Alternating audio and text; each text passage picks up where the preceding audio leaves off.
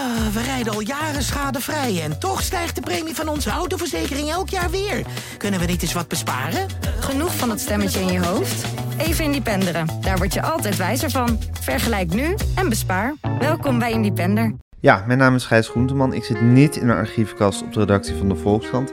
Ik zit aan een keukentafel in Amsterdam uh, bij mijn gast, bij wie ik al vaak ben aangeschoven uh, in deze podcast. Uh, en dat doe ik altijd met heel veel plezier. Eigenlijk gewoon als ik zin heb om even te praten over hoe, hoe het land ervoor staat, dan bel ik hier aan. En dat heb ik nu ook gedaan. ik noem mezelf de cv-monteur. ben ik niet, ik kom gewoon voor een interview. voor een interview met Volkskrant-columnist Gustav Bessems. Gustav, nou, ik heb me alles de cv-monteur genoemd, omdat ik eens in het ja, half jaar, drie kwart jaar, eigenlijk vaker dan de cv-monteur, denk ik. Ik denk dat de cv-monteur jaarlijks moet. Die zou jaarlijks moeten. Ja. Is waarschijnlijk minder in de praktijk. Dus wat dat betreft ben ik een soort zeer actieve cv-monteur. ik geloof eigenlijk dat ik de echte cv-monteur hier laatst voor het eerst een keertje Kan je nagaan. Terwijl ik net heb gehoord dat je hier al ruim drie jaar woont. Dus kan je nagaan. Nee, ik ben echt een soort cv-monteur from hell. Of uit de hemel, zou je kunnen zeggen. Ik weet niet wat je... Wat je hangt vanaf wat je verwacht van je cv-monteur. Ja, maar of, ik heb, of dit is de best verzorgde cv. Precies, dit is echt een shiny cv. In ieder geval ben ik hier regelmatig... om met jou gewoon even de stand uh, van de wereld uh, door te nemen. Dat ik dat nou helemaal graag... Uh, ik laaf me graag aan jouw kennis. En nu is het zo dat we zitten nu aan je keukentafel. Alle vorige keren, maar dat was in coronatijd... zaten we aan een tafeltje hier in de blendende woonkamer. Het is een uh, ensuite. En, uh, maar dat, ik was me daar niet van bewust, maar dat, dat bleek de corona-werktafel te zijn. Ja, dat was eigenlijk een plank op schragen uh, die hier was neergezet voor een extra werkplek. Ja. En uh, voor eventjes, voor een paar weken, ja. was natuurlijk ooit het idee. Dan ja. was het maar een plank op schragen. Dat jullie hier met z'n tweeën in huis moesten werken en dan zat de een boven en de ander beneden. Ja. Ja, precies. En nou, ik vond het eigenlijk best een gezellig hoekje, maar jij bent heel blij dat hij weg is, zei je net. Ja, vooral vanwege de thuiswerk-corona-associatie. Vond je dat pittig? Nee. Maar ook niet, ook niet dat je denkt, laten we die plank opschragen als een soort eeuwig monument. als een totem daar houden. Bewaren. Nee. nee. En ook dat je dacht, god, best wel gezellig zo'n hoekje daar in de kamer. Jij mist het hoekje, Ja, ik. ik mis het hoekje een beetje. Ik vond dat je daar heel geborgen, uh, geborgen zat. Maakt een grote B aan de muur. Uh, Die had je voor je verjaardag gekregen, volgens mij. Ja, maar het is niet de bedoeling dat het hier te geborgen wordt. Uh, Oké. het moet ook een beetje kil ja, en afstand Dus dat we hier nu blijven. gewoon weer op een galmende vlakte zitten, dat vind ik eigenlijk vind je heel prettig. goed. En heb je eigenlijk het gevoel dat we uit corona zijn? Ja, wat iedereen daarover zegt, je weet het niet. Dus het lijkt goed te gaan en je weet het nooit. Nee, maar wat is, wat is jouw... Heb je, heb je er een soort onheimlich, knagend gevoel over? Of, of voelt het ook heel ver weg voor jou? In de dagelijkse praktijk is het voor mij, denk ik, zoals voor iedereen, behoorlijk uh, ver weg. Mhm. met, een, met een paar standaard aanpassingen in het leven. Dus als je ziek wordt, dan test je even en, en je kijkt meer uit dan vroeger. Denk ook wel überhaupt nu met allerlei virussen, of je die nou per se meeneemt naar iedereen in je omgeving, de kwetsbaren in het bijzonder. Dat Ja. is denk ik wel veranderd. Daar Het virusbewustzijn is er eh, gekomen. Ja, dat Ja. is achteraf was het misschien toch ook wel een beetje maf hoe wij allemaal maar licht koortsachtig en snotterig en slijmend Ja, ons elkaar in de, armen vielen. En, ja. ja. en vooral ook eh, alle oude ouders gewoon eh, gezellig Ja. van bezoek. Wat waren we heerlijk roekeloos, hè, Gustav? Ja, ehm, dus dat is veranderd. En ik volg nog steeds wel, voor zover daar sprake van is, het beleid. Eh, ja, dat is er natuurlijk eigenlijk niet. Hè? Dus behalve die boosterprik eh, heeft Ernst Kuipers een soort godzegenende greepachtige laissez-faire houding. ehm, die, eh, die, die prettig is als je eh, heel erg ziek was van de maatregelen en dat heel erg zat was. En, maar ja, dat is dus een gok. En dat is een gok die waarschijnlijk goed gaat uitvallen. Want als het allemaal zo mild blijft, dan, dan zal Is het de nood niet aan de man? En aan de andere kant weet je ook dat we ontzettend weinig kunnen hebben. Toen konden we al weinig hebben qua zorg. En nu weet je dat dat... Ja, nu kunnen we eigenlijk niets meer hebben. Nee. Nu weet je dat er wachtlijsten zijn, eh, eindeloze wachtlijsten voor operaties. eh, veel ergere personeelstekorten nog dan toen. Dus het is een heel eh, dun randje. En we zijn overgeleverd aan, aan de zegeningen van Omicron, zou Ja, zeggen. ja. Van als, als, dat, als dat virus maar in godsnaam mild blijft. Als de milde variant maar dominant Ja, blijft. en niet, of, en niet opeens, hè, daar is nu wel weer sprake van met een paar varianten, dat het eh, de vaccins totaal omzeilt. Dat is natuurlijk gaandeweg al steeds meer gaan gebeuren. Nou, dat zou nog meer kunnen gaan gebeuren. Ja, dan zitten we weer in een andere situatie. En dan ben ik er wel van overtuigd dat Nederland als van ouds op niets is voorbereid. Ja, want je verbaast je er wel over in je columns. Dat er zo weinig, niet in al je columns, maar je hebt columns geschreven waarin je erover verbaast. Dat er zo weinig eh, voorbereidende maatregelen opnieuw worden getroffen eigenlijk. Nou, verbazing zou ik dat inmiddels Nee, niet meer... nee, nee, inderdaad. je constateert het. Ja, Ja, ik constateer het en ook eerlijk gezegd een beetje, want ik schrijf heel zelden nog maar over coronabeleid. Ehm, en af en toe voel ik me ook een beetje verplicht om dat dan wel eh, vast te stellen. Dus als er dan eh, ja, weer zo'n rapport verschijnt van de Onderzoeksraad naar Veiligheid, waarin niet eens heel streng, maar in elk geval enigszins conscientieus op een rij wordt gezet Wat wat, er- er allemaal niet voorbereid was en hoe dat had moeten gebeuren. Ja, tegelijkertijd zie je in de echte wereld het, datzelfde zich eigenlijk weer afspelen. Ja, dan voel ik me soms verplicht om dat wel weer even te markeren. ja, eh, zonder de illusie te hebben dat dat, Dat dat iets veel verandert. verandert. Ik merk wel dat een aantal mensen dat dan toch prettig vindt in de zin van een soort... oh, dus ik ben niet helemaal krankzinnig-achtig gevoel. Eh, dus dat is dan mijn eh, functie daarin maar. ja. En heb je nou het idee dat dit eigenlijk, dit, dit soort, zoals jij het constateert, gebrek aan bereidheid om toch op, ehm, ja, op een wat, wat ongunstige wending van het lot, om je daarop voor te bereiden. Hangt dat nou aan personen, eh, aan, aan, aan, aan het wezen van Mark Rutte of van Ernst Kuipers? Of is, het, is dat gewoon een soort diep ingesleten manier van eh, naar de toekomst kijken? Ja, allebei die personen komen bovendrijven eh, omdat ze heel goed passen bij een samenleving of bij de behoeften eh, van mensen.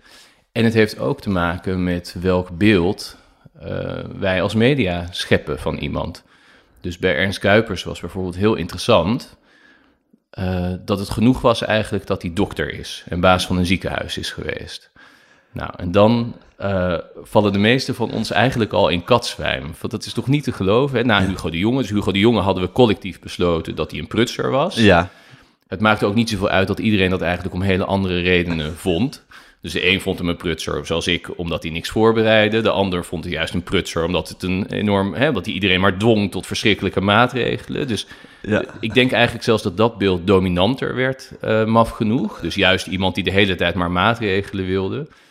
Klopte ook totaal niet met de werkelijkheid. Nee. Stelde alles tot het laatste uit. Maar goed, dat wordt dan het beeld. ik vond hem een prutser vanwege zijn idiote beeldspraken. Nou, Zo heeft iedereen bijvoorbeeld... zijn eigen, zijn eigen reden om hem een te er zijn, ja, er- ja. Hugo de Jonge bood veel mogelijkheden om haat Veel te haakjes. projecteren. Ja. Ja. En dan ook nog, hè, dat voerde hij zelf eerlijk gezegd ook wel te pas en te onpas aan. Maar voor een deel was dat natuurlijk ook waar. Hij was gewoon het gezicht van die pandemie. ja. Nou, kregen mensen ook niet echt zin van hem. En dan was hij ook natuurlijk nog gewoon weerzinwekkend ijdel midden in een crisis die aan heel veel mensen het leven kostte of Ja. hun bedrijf of allerlei andere dingen. Ehm, dus hij gaf er ook aanleiding toe. Ehm, en dan ontstaat er natuurlijk behoefte aan iets anders. En dan was het beeld Hugo de Jonge, die had geen vakkennis hè, op eh gebied ja. van volksgezondheid. beroepspoliticus. En Ja. dan neus Maar professor Ernst Kuiper, ja, ja die wel. Ja. Dus die is echt van die wereld. Ehm, en dan worden er ook allerlei dingen beweerd die helemaal nooit zijn gebeurd. Dus die wordt dan bijvoorbeeld tegenover Hugo de Jonge gepositioneerd. Ernst Kuiper wou altijd, wou altijd wel op tijd ingrijpen. Nou, dat is allemaal niet waar. Dus Nee. als je terugkijkt in de geschiedenis, dan was een van de grootste sussers. Ja. Hè? Dus als het ons al helemaal overspoelde. Maar het was natuurlijk altijd een beetje op het laatst pas in de ziekenhuizen en nog wat later op de IC. Dat was zo'n patroon destijds. Ernst Kuipers is altijd de man die zei: Nee, jongens, hier in de jullie, jullie worden allemaal wel besmet, maar hier in de ziekenhuizen valt het nog wel mee. Ja. Ehm, en hij gaf ook altijd te vroeg het zijn veilig. Dus het was. eh, Iemand met een onmogelijke we- timing. ja, we kunnen weer waar juist Hugo de Jonge ja. last van had toen hij dat op een gegeven moment een beetje door begon te krijgen, dat patroon. Ehm, ja, dus dat is wel bijzonder. Ik heb toen hij aantrad een stukje geschreven dat hij heel erg, ja, best wel leek eigenlijk op Hugo de Jonge in veel opzichten. Eigenlijk ook wel op het gebied van ambitie en ijdelheid. Ja, hij, nog, nog ijdeler zou ik bijna willen zeggen. ja, hij, begon zich, hij begon al heel vroeg te solliciteren op dat ministerschap. Hè. Dat was natuurlijk ook bijzonder dat je nog midden in zo'n crisis Ja, zit. en hij begon een soort solitair persconferenties te Ja. geven. Terwijl hij eigenlijk niks anders te melden had dan het aantal beschikbare bedden. Nee, precies. En dan ging je Ehm, ook helemaal voor zo'n PowerPoint staan en de pers bijeenroepen enzovoort. Ja, ja. Dus het is, ja, het is een type mannen ehm, waar veel Nederlanders elke keer weer voor valt. Een soort type zelfbewuste man, waardoor wij dan gered eh, gaan worden. ja. En eh, terwijl ik dat eigenlijk... mm, En die mannen moeten eigenlijk de diepe ijdelheid hebben of het diepe zelfvertrouwen hebben. Of misschien is het juist een hele diepe put van onzekerheid die met gebral moet worden. zoals bij iedereen zal dat er Eh, uiteindelijk onder zitten. Precies, dat Ja. zal er wel onder zitten. Maar in ieder geval moeten ze, moeten ze de hele tijd het zelfvertrouwen uitstralen of willen uitstralen van wij komen deze klus wel fixen. Ja, Ja. en aanvankelijk, dus en, en, en de Nederlander, zal ik maar zeggen, die stelt zich een beetje eh, op als iemand die vastzit in dat soort hele ongezonde relaties. Dus, Ja. dus steeds weer vallen voor zo'n iets te zelfbewuste man en daarna weer diep teleurgesteld worden dat het Ja. toch weer niet is wat er beloofd Ja, werd. het is een soort knipperlichtrelatie die, die, Ja. die, die, die de Nederlandse kiezer heeft met, met, met dit type politicus. Met Mark Rutte natuurlijk als de, de, de vaandeldrager in dit genre. En, en iemand als, terwijl als je, Ernst Kuipers gaf laatst een interview bij ons in het magazine. Dus Ja, human vond ik ook alweer een teken van diepe ijdelheid. Ja, Waarom human- je als politicus en als minister in Volkskrant Magazine, waar het toch altijd gaat over, heb je een moeilijke jeugd gehad en hoe gaat het met de liefde? Vooral als je, zoals Ernst Kuipers beweert, totaal niet geïnteresseerd bent verder in hè, een politieke carrière. Je Ja. zit daar puur voor de inhoud. Ja, maar, het was wel interessant, want dan krijgt... ehm, ja, ik, mij valt dan op dat zo iemand, als je goed kijkt, echt rare dingen zegt. Dus het ging bijvoorbeeld over hoe hij omgaat met kritiek. Eh, nou, wat ik bijvoorbeeld zou willen horen van een politicus over hoe je omgaat met kritiek, is iets als het volgende. Niet, ik doe gewoon een willekeurig voorbeeld. Ik zou het bijvoorbeeld prettig vinden als iemand zegt van, eh, nou, je krijgt inderdaad wel heel veel over je heen. En soms is dat ook heel naar en persoonlijk. Eh, en wat best lastig is, is om dan nog te filteren van, eh, nou, waar word ik echt onheus bejegend? en Maar wat waar, is zinnige kritiek? maar waar moet ik ook wel heel goed opletten? wat moet ik me ter harte nemen? Ja, en moet ik me misschien aantrekken en, en denken van, daar kan ik het ook beter doen. Zoiets zou bijvoorbeeld, zou Ja. ik een emotioneel gezond antwoord, antwoord vinden. geven. En Skuipers zegt... eh, je weet je wat ik allemaal als dokter wel niet heb meegemaakt? Eh, in het begin ben ik wel als patiënten onder mijn handen verloren. Nou, dat is echt veel erger dan kritiek in de krant. Dus doet mij niet zoveel. Ja, ik vind dat Fascinerend. psychologisch Ja. zeer merkwaardige eh, uitspraak Ja. eigenlijk. Ja, Het is dus kritiek uitsluitend zien Als iets waar je tegen moet kunnen, Ja. wat, je van je af moet laten Van je af glijden. moet laten glijden. Ja, precies. Ja. Ja, nou, en dat is natuurlijk typisch wat er, eh, wat er aan de hand is. Wat bijvoorbeeld ook, Hugo de Jong is inderdaad ook helemaal uit ditzelfde fout. Zodra je eh, kritiek krijgt, eerst liegen dat het niet zo is. Ik bedoel, als er bijvoorbeeld eh, een misstand wordt, wordt gesignaleerd en dat wordt geuit, ga je eerst liegen dat het niet zo is. ja, En dan ga je er onderuit proberen te draaien. Wat je nooit doet, is rekenschap geven of het tot je door laten dringen en enige ehm, begrip tonen voor het feit dat er iets fout is gegaan. Nee, en ik denk ook wel dat dat dus echt heel moeilijk is met zoveel publiciteit. Dus dat dat eerder ook iets is eh, wat je dichter om je heen eh, met mensen die je vertrouwt moet Verwerken, organiseren. organiseren. Nou, je moet het echt organiseren. Dus je moet mensen aanwijzen eh, die er zijn ook om de zinnige kritiek eruit te halen en om jou tegen te spreken en om te zorgen dat je niet met z'n allen in een soort tunnelvisie komt. Ja, Ehm, en ik denk, dat merk ik ook wel naarmate ik me steeds meer verdiep in dat hele openbaar bestuur en hoe ministeries werken, hoe departementen werken, dat over het algemeen, en dat, dat hoor ik ook van eh, ja, welwillende ambtenaren of mensen in uitvoeringsorganisaties die mij eh, soms benaderen, eh, dat het tegenovergestelde wordt georganiseerd. Dus je wordt beloond als jij niet een probleem bent. Ja. Als je niet tegen de stroom ingaat. Als je niet escaleert. Hè, eh, dus je, je moet vooral niet eh, zeggen... hé, hey, volgens mij gaat het niet helemaal goed. Want Ja. dan ben jij ineens een probleem geworden. ja. Ja, want ik heb inderdaad het idee dat de ministers zichzelf vooral zien als een soort machines, of hun hun, het apparaat om als een soort machines, om ze pro- probleemloos door dat ministerschap te loodsen. Ja. Dus ze zorgen dat ze niet vallen, dat ze niet, eh, dat, dat de kritiek inderdaad langs ze afglijdt. En dat ze met zo min mogelijk gewankel het einde halen. Ja, dat is het en, doel. En, ja, en een goede topambtenaar ja, is iemand die iets erdoor krijgt. ja. En wat dat iets is, dat Maakt maakt, niet uit. Nee, dat maakt niet uit. Ja, maar je lacht. Maar Ja, dat, dat is, echt zo, Dat ja. is echt eh, de praktijk. Hè, dus eh, ik zal het niet steeds noemen, maar ik, ik, ik maak zelf een podcast, Stuurloos, die gaat over dit soort bestuursprocessen.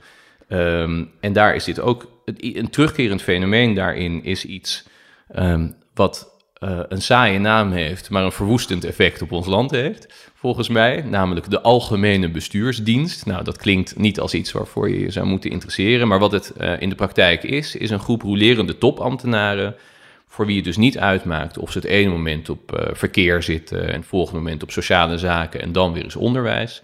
Dat zijn gewoon ja, een soort maggers die, die kunnen dingen erdoor krijgen, die kunnen processen begeleiden. ja. Dus die komen ergens eh, op zo'n departement. Die bekijken eens even, nou, wat moet er hier doorheen? Ja, dus of het nou eh, een nieuwe afsplitsing van de A9 is, of, of een nieuwe bijstandswet, of weet ik veel, wat Maar maakt ja, niet uit. Zij leveren voor Ja. hun minister. Ehm, en dat staat natuurlijk helemaal haaks op alles wat zo vroom geleerd wordt uit het toeslagenschandaal, de aardbeving in Groningen, eigenlijk eh, de afsluitdijk, eh, die ze ineens niet meer eh, gerepareerd krijgen. Namelijk, oh ja, we, we moeten eigenlijk kijken of dingen in de reëel bestaande werkelijkheid, in Ja. de praktijk, eh, werken. Ja, Eh, sterker nog, ik denk vaak, daar zou het eigenlijk eh, moeten beginnen. Dus nu gaat het vaak over dingen als een uitvoeringstoets. Maar dat klinkt eigenlijk nog steeds als iets van, we willen iets. Nou, dan gaan we later nog eens kijken of dat eigenlijk in de praktijk ook werkt. Terwijl eigenlijk moet je, zou je natuurlijk willen dat dingen uit de praktijk gevoed naar boven komen. En dat men daar aan de top denkt, oh, wat een relevante informatie van mensen die daadwerkelijk het werk doen. Eh, Ja. We zullen dat eens en op, faciliteren. wel, op welke ideologische grond zullen we nu een deugdzaam besluit nemen om eh, de Precies. volgende stap te zetten? Ja, in de werkelijkheid zijn dingen gewoon in gang gezet ooit. Ehm, vaak wel om politieke redenen, maar het, het- het- iets is helemaal een eigen bestaan gaan leiden. Ehm, en het moet door de kamers geloodst en het moet opgelegd worden aan de praktijk. En gemeenten zullen zich eraan houden en uitvoeringsinstanties moeten zich eraan houden. Ja, het is, het is het volstrekt doorgevoerde efficiëntiedenken ook, hè, natuurlijk. Wat natuurlijk in het zorg en in de onderwijs ook, ook het, het werk verpest ongeveer. Dat het alleen maar gaat over dingen in een, in, een, in een matrix kunnen zetten en zorgen dat het toetsbaar en, is en gehaald wordt. En helemaal niet meer gaat over kijken wat er daadwerkelijk gebeurt en gewoon met je menselijk verstand mensen Ja. eh, beschouwen. Ja, en het is, het, en het is ook ehm, het, het helemaal loskoppelen. Dus eh, de- vanuit dat efficiëntiedenken is ook gedacht. ehm, er moeten bijvoorbeeld steeds minder mensen bij de overheid werken. En dus eh, de overheid in Nederland is wel interessant, omdat het in geld helemaal geen kleine overheid is, maar in mensen wel een kleine overheid. Ehm, dus er is ooit gedacht, hij moet kleiner. We gaan daarop bezuinigen. Er werken steeds minder mensen en er werken ook steeds minder inhoudelijke mensen. Nou, gelukt zou je zeggen. Dan blijkt dat eigenlijk al die dingen die inhoudelijke mensen deden zo gek nog niet waren. Waren. Dus die moeten nu worden ingekocht Ja, eh, bij bedrijven bij wie je iets aanbesteedt, die dat gaan, gaan uitvoeren, maar ook heel veel bij de grote consultancyfirma's. En er wordt ongelooflijk veel geld uitgegeven eh, aan de KPMG's en al dat soort en die geven dan bedrijven. adviezen of zo. Of die schrijven rapporten. Wat, wat, wat, Ja, maar ze voeren ook En ze voeren echt- uit Ze ook. doen ook eigenlijk heel veel taken die ambtenaren vroeger eh, deden. Eh, maar ja, dan gewoon volgens een model waarbij ze idealitair, ja, zo is het toch, zo lang mogelijk, zoveel mogelijk aan het werk uren zijn. kunnen schrijven. En een beetje gaan staan naar de opdrachtgever. Ja. Eh, dat wordt niet, niet zo expliciet altijd gezegd van we willen dat X of Y eruit komt. Maar dat voelt zo'n bureau wel aan.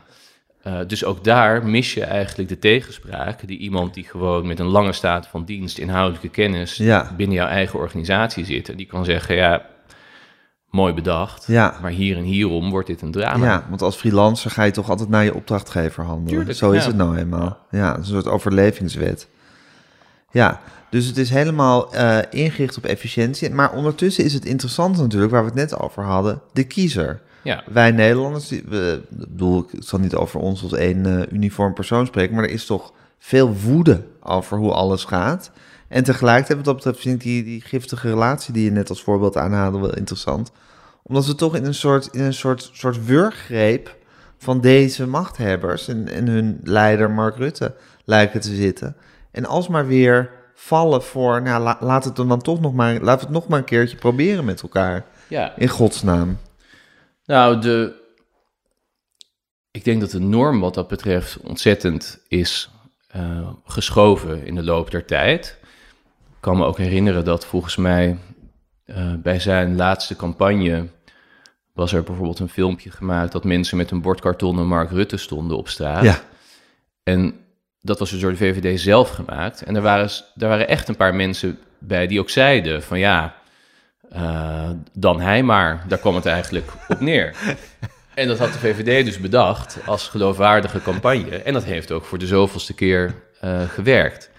En eh, het is ook wel begrijpelijk in een wereld die zo eh, tumultueus is. Hè? Ik denk dat het feit dat de Verenigde Staten Trump als president hebben gehad, dat dat kan. Eh, maar ook Johnson wel in het Verenigd Koninkrijk. Ja, dat hoor je mensen ook vaak wel zeggen van, nou ja, Dan hebben wij Rutte. ja, dan valt Rutte toch Ja. eh, behoorlijk mee. Ehm, door sommigen wordt hij hier ook ehm, als een buffer gezien tegen het extremisme wat hier opkomt. Alhoewel je daar zeer over kan twisten of hij dat niet juist ontzettend heeft Aangewakkerd, gefaciliteerd. ook. Gefaciliteerd, ja. Ja, dus, dus in, in, in, in een wereld waarin hè, de laatste keer dat hij werd herkozen speelde corona natuurlijk nog volop. eh, waarin zoveel op losse schroeven staat, is het ook weer niet gek dat mensen gaan hangen aan iets wat ze kennen. En eh, er is denk ik ook wel een, nou ja, dat is, eh, dat is eigenlijk ontzettend veel besproken de laatste tijd. Je hebt eh, waar iedereen mee wegloopt. en overigens helemaal niet onterecht die Atlas van Afgehaakt Nederland voor René Cuperus en Josse de Voogd. Maar er zijn meer van dat soort onderzoeken waarbij je ook ziet dat er een winnaars- en verliezersverdeling is gekomen, ook in Nederland. Ehm, en mensen die het vrij goed hebben en die vooral redeneren van als ik dat maar niet kwijtraak, eh, ja, die stemmen ook sneller voor iemand als Rutte. Ja, en ehm, nu is het natuurlijk ook fascinerend dat hij marketingtechnisch, daar moeten we dan toch om prijzen, op een of andere manier toch altijd de indruk kan wekken dat hij eerder de oplosser is van de problemen die er zijn dan de cre- cre- cre- creëerder, creator, hoe noem je dat? Ja, de, eh, veroorzaker. De veroorzaker Ja. is van, eh, van Ja, diezelfde dan- Maar daar moeten we problemen. hem niet om prijzen. Nee, daar moeten we hem niet om prijzen, maar Nee. dan moeten we wel met, met ja, een soort technische bewondering, kan je Nee. daar bijna naar kijken? Ook Nee, niet? Nee? nee. Hoe, moeten we dat, hoe zie jij dat, Gustav? Geheel zonder, zonder bewondering, technisch of anderszins. Eh, omdat dat technisch bewonderen Ja, ook een heel groot deel is eigenlijk van van, zijn succes. Ja, maar ook van de rot eh, in, in hoe wij worden bestuurd. Eh, en dat heeft veel met onze beroepsgroep eh, te maken. Hè, dat, ehm, Ja, ja, dat je zou maar zeggen, het politieke spel zo hoog acht, dat als je dat, als je, als je, als, als iemand dat maar goed beheerst, dan Ja. kan je al bijna niet kritisch meer op hem zijn. het heeft ook te maken met de, de neutraliteitsbehoeften van politieke verslaggevers en politieke duiders. Dat Ja. maakt dat vak ook raar. Ja, Ehm, want op het moment dat je dus niet kunt zeggen, en dat hoort dan een beetje bij dat beroep, van nou, dit voorstel is beter dan dat voorstel, of deze politicus doet het veel beter dan die politicus, eh, op inhoudelijke gronden, Ja. dan wordt het dus vanzelf wat meer een wedstrijdverslag. ja. En ga je kijken van wie, wie doet die wedstrijd Ja. het best. En wie de wedstrijd wint, is de beste. Ja, Ja, nou, dan heb je een politicus die uitsluitend met die wedstrijd bezig is. En dat is een, dat, dat is een voordeel wat ontzettend wordt onderschat. Dus als jij een politicus bent die het wat uitmaakt eh, wat er gebeurt met het land, ja. of sterk de behoefte voelt Of mensen om, creperen of niet. ja, Ja. Om be- en om, of bepaalde mensen te vertegenwoordigen of voor ze op te komen. Ja, dat zijn natuurlijk enorme Dat is een handenbinders. bal. Ja, Ja. Dat, is, dat is zwaar voor je gemoed. Eh, daar heb je stress van. Dat kost je energie. Je moet contacten met die mensen onderhouden. Je maakt je daar druk over. Ja. Je ligt er wakker van. Je moet je partij die kant op Ja. krijgen. Allemaal van dat soort. Ja, en je hoeft Eh, je niet alleen maar bezig te houden met de wedstrijd winnen, maar ook met die mensen vertegenwoordigen. Ja. En Rutte heeft zijn handen helemaal vrij. Eh, die is. Ik vind ook altijd, zelfs laatst nog, eh, eh, volgens mij bij de algemene beschouwingen of zo, zag je ook weer die observatie gedaan worden van wat is hij toch ontspannen? Het is toch knap dat hij zo ontspannen blijft. Maar als voor de rest niets jou kan schelen, is dat natuurlijk helemaal niet knap. Als jij niks anders te doen hebt dan goed voor de dag komen in dat debat, helemaal los van of het verder goed of slecht gaat met de inwoners van het land dat je regeert, dan is dat niet heel bijzonder knap. Het is eerder een beetje zorgwekkend dat je denkt van hoe, hoe zou die gast eigenlijk eh, in elkaar zitten? Ja. Ehm, eh, ja, en dat, dat, dat element van dat wedstrijdverslag, dus steeds zeggen van ah, dat doet hij toch wel heel handig of dat doet hij toch wel heel knap, terwijl eigenlijk, ehm, ja, ik vind het gewoon niet overdreven om te zeggen dat hij in die twaalf jaar een soort ravage eh, achter zich heeft gelaten. Het is echt heel, steeds moeilijker, merk je ook. En dat is wel degelijk onafhankelijk van politieke kleur, om zaken aan te wijzen die erop vooruit zijn gegaan. Eigenlijk het laatste wapenfeit waar altijd nog naar wordt gewezen, dat doet hij zelf ook, is eh, dat Nederland met een eh, draaiende economie uit de vorige grote economische crisis is gekomen. Nou, en ook daar is ehm, wat op af te dingen, hè, omdat je je kunt afvragen of het enige zaligmakende is dat je op macroniveau als land draait als een tierenlier. Eh, als je wel erg veel mensen daarin eh, niet hebt, Vermalen worden ja, in die niet hebt machine. kunnen meekrijgen. Ja. Maar goed, dat is dan het wapenfeit waarop wordt gewezen. Ja. En verder is eigenlijk het wapenfeit dat hij is blijven zitten. Dat hij coalities heeft kunnen smeden. Ehm, nou ja, en stabiliteit, dat, dat, dat wordt hem dan nog eh Ja. toegedicht. En dus ook. eigenlijk die bewondering voor zijn technische vaardigheid om die wedstrijd te winnen. Ja, Eh, waarvan jij zegt, ja, dat is ook makkelijk als je verder geen enkel eh, mor- morele last voelt over wat dan ook. Dat vind je eigenlijk ook fnuikend, omdat, dat, omdat daarmee toch een soort glans van bewondering om hem heen komt. Wat hem ook weer aantrekkelijk maakt. Op onterechte gronden eigenlijk. ja En wat dus interessant is dat je zegt van het is juist die neutraliteit van de pers. Eh, waardoor, je, waardoor je eigenlijk nooit meer in, een inhoudelijk oordeel mag geven over wat er besproken wordt. En dus alleen nog maar naar die wedstrijd kijkt. En het is natuurlijk grappig omdat we natuurlijk uit een eh, zwaar verzuilde samenleving eh, komen. waarbij elke krant en elke omroep vroeger een hele duidelijke politieke kleur had. Ik denk dat dat in de tijd van Fortuyn, na de moord van Fortuyn ineens, of ineens, maar dat dat sluipenderwijs verboden is geworden.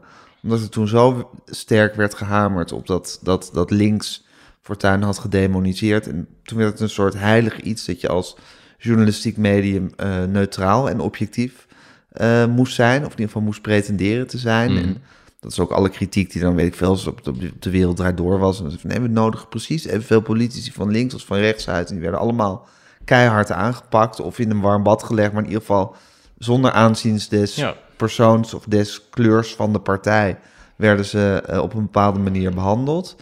Eh, maar dat is dus eigenlijk ook fnuikend, vind jij, voor, de, voor een, voor een Nou, zuivere kijk, berichtgeving. Ik zou het wel, om, het niet, om er niet te makkelijk over te doen, ik zou het wel als een echt dilemma Willen, eh, willen aan- weergeven. ja, Want het is niet. willen markeren. Ja, nee, Ja. maar het is niet zo makkelijk opgelost. Hè? Dus om, om wel, dus mensen die commentaar geven op politiek en wel een beetje het veld moeten overzien en daarin ook vertrouwd te worden, eh, moeten ze zich op zijn minst onafhankelijk opstellen. Ja. Dat is denk ik ook, dat, dat, dat blijkt ook eh, altijd, dat vindt het publiek ook echt belangrijk eh, en prettig. Ja, Waarbij dat ook weer ingewikkeld is, want elk lid van dat publiek is natuurlijk helemaal niet neutraal. Mensen vinden in de praktijk, dat merk je ook vaak in reacties, ze vinden je het meest neutraal als je precies zegt wat zij ja. vinden. ja precies. En als je iets zegt wat er tegenin gaat, nou, dan ben je wel erg eh, Ja. partijdig. Dus dat is denk ik ook voor alle collega's eh, wel best een worsteling om je daarin te manoeuvreren. Dat verloop wat jij schetst, ehm, ik denk dat er ehm, wel degelijk in de jaren 80 en 90 ehm, een onuitgesproken idee was dat grofweg progressief liberaal beeld van de wereld, dat dat het neutrale beeld was. Waar langzaam eigenlijk alles wel naartoe zou groeien, Ja. omdat het zo onbetwist superieur was. Nou, toen kwam die fortuinrevolte. Dat was dus duidelijk een rechtse, rechtspopulistische eh revolte, waar bovendien heel veel media een blinde vlek voor hadden gehad. Dus toen is daar een verschrikkelijk complex eh, ontstaan, Ja. waar velen van ons eh, nog niet zich aan ontworsteld Nee. hebben. Oh god, hoe hebben we dat kunnen missen? Ja. En inderdaad eh, gebeurde onder andere wat jij zei, van krampachtig willen laten zien dat je dat allemaal eh, wel door had. Ehm, en Of, of vanaf nu wel door hebt. ja, dat je alles maar die slinger is natuurlijk de Ja. andere kant op eh, geschoten. Want Ja. omdat, die, omdat die opstand aan de rechterkant zat, ja, hoefde wat meer rechts eh, eh, neigende media zich er helemaal niet aan aan te passen. Sterker Nee. nog, die konden met hun grote gelijk Precies. aan de gang. Ja, En die, en die progressief-liberale en linkse media, die moesten de hele tijd maar assen over hun hoofd gooien en laten zien dat ze de onvrede hadden begrepen en dat ze heus eh, niemand zomaar voor racist zouden uitmaken. Ook de racisten niet. Daar is het eigenlijk dat eh, is het grote probleem. Hè? Ja. En, en ook dat heeft zijn geschiedenis. Want het was ook zo dat daarvoor veel te snel eh, overal stampende laarzen werden gezien en, met, en de racismekaart werd getrokken. Zeker. Ehm, Terwijl mensen vaak met heel reële problemen worstelen. Zeker. Ja. Nou, daarna eh, is in twintig jaar ook het een en ander eh, gebeurd. Ehm, en ja, nou ja, we zitten er nu natuurlijk nu middenin. Nu zit er gewoon een fascistische fractie in de Kamer. En dat is vrij laat, zou je toch kunnen zeggen, consensus geworden dat dat zo is. Ja. Ik zit nu even na te denken, Gustav, eh, dat we het hebben over de jaren negentig en over hoe, hoe, die, hoe die, dat, die, die hele onvrede is ver ontacht staan. Maar zie jij Mark Rutte eigenlijk als het kind van Wim Kok, in overdrachtelijke zin? Ja, ik zit te denken, Balken heeft daar natuurlijk nog tussen gezeten. ja, maar die had nog wel iets, eh, die wilde het altijd hebben over Normen en waarden. normen en waarden. Eh, ja, of dat een holle frase was, dat weet je niet. Nou, maar die had ook een heuse filosoof gelezen waar die dat op baseerde. Ja, die, had, die, die, die, die leek toch wel onder, onder het christelijk geloof gebukt te gaan op een of andere manier. Zeker. Nee, Eh, en dat, dat geroep over die VOC-mentaliteit was natuurlijk super stomzinnig. Maar er, er- ja, je had toch bij hem het idee dat er nog een soort, ergens een soort ideologisch besef was. Zeker. En- Maar waarom, waarom vind jij misschien Rutte het kind van Wim Kok? Nou, omdat ik denk, omdat ik, omdat ik aan die jaren negentig en dat, en dat paarse kabinet zit te denken. Ja. En dat Wim Kok natuurlijk, natuurlijk, natuurlijk die, die idiote omslag heeft gemaakt van een heel bevlogen vakbondsman naar iemand die ideologische veren af wilde schudden. Dat is natuurlijk een soort, soort voorloper op, eh, wat zei, eh, wat zei eh, Rutte ook weer, ideologie is een olifant die het zegt. zegt wat, wat, wat was ook weer een Visie, visie was een visie olifant. was een olifant die het, eh, die het, Ja. het Daar komt hij nu enorm op terug. Hè? De- hij, zegt, dat heb ik één keer in een toespraak Ja, oké, kan wel zijn. Maar ja. goed, dat, dat, dat, dat, dat, dat, dat, dat Ja. besturen zonder ideologisch idee eigenlijk, of zonder... Maar dat, dat hele harde inzet op dat alles pragmatisch en efficiënt moet verlopen. Maar ik denk ook dat, ehm, en zeker de jonge lui, zullen niet weten hoe krankzinnig de jaren negentig waren. Dat was een krankzinnig decennium waarin de raarste ideeën eh, werden geuit. Eh, dus je had toen bijvoorbeeld, en daar kwamen serieuze economen mee aan, het idee van de nieuwe economie. Een nieuwe economie was een economie die eeuwig zou groeien. Ja. Ehm, want er was nu namelijk het internet en het internet had onbestemde, of oneindige eh, mogelijkheden. En er zou nooit meer laagconjunctuur zijn. En dat werd eh, ja, echt niet door gekken of zo eh, gezegd.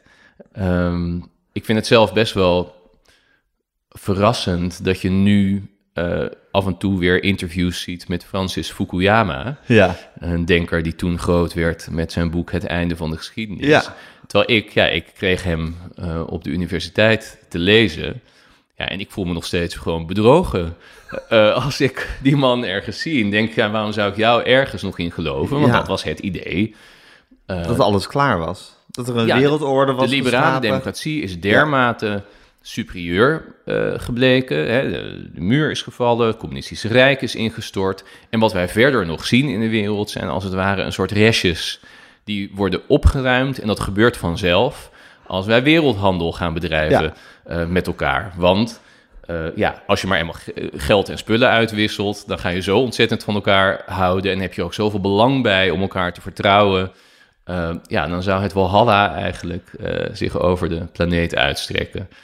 Ehm, nou, dit is allemaal, dit is door serieuze docenten gedoseerd aan de universiteit en, en eh, overal. Dit was het idee. Dus Wim Kok, eh, als we het over kinderen hebben, was van die tijd. Als Wim Kok toen had gezegd, eh, nou, ik ga lekker op de ouderwetse sociaal-democratische eh, tour verder. Zou die keihard uitgelachen zijn Ja. geweest? Ja, zijn Want geworden. hij was het, het was Blair, het was eh, Schreuder, het was Clinton. Hè? Zeker. My friend Wim Kok. Ja, no, notabene allemaal mensen van, van soort linkse, Linkse snit. origine, van Ja. linkse snit, Ja. die allemaal dit, dit, dit, deze hele pragmatische manier van denken omarmden. Maar je zou kunnen zeggen dat dat systeem inmiddels is, of die, die gedachte inmiddels totaal onzinnig is gebleken, of dat de tijd die helemaal heeft ingehaald, maar dat er nog wel altijd een beetje volgens die filosofie eh, bestuurd wordt. Ja, en we worden door omstandigheden eh, gedwongen om terug te keren naar discussies over waarden. Ja, Want technocratie eh, en, en dit, hè, dat het net niet zoveel uitmaakt waar je vandaan komt en wat je ideeën erover zijn, dat is eigenlijk dus heel makkelijk, zolang alles goed gaat. Zolang het economisch goed gaat en zolang zich geen eh, niet heel grote ellende voordoet. Nou, we zagen eigenlijk al een eerste correctie bij die financiële crisis, waar we het net even over hadden. Maar dat is op de een manier toch niet helemaal doorgedrongen. Maar eigenlijk was dat toch wel heel significant wat je daar zag. Namelijk, als puntje bij paaltje komt, dan moet de gemeenschap opdraaien om dat wankele financiële systeem te redden. Dat moeten overheden doen, dat moeten, wij ophoesten.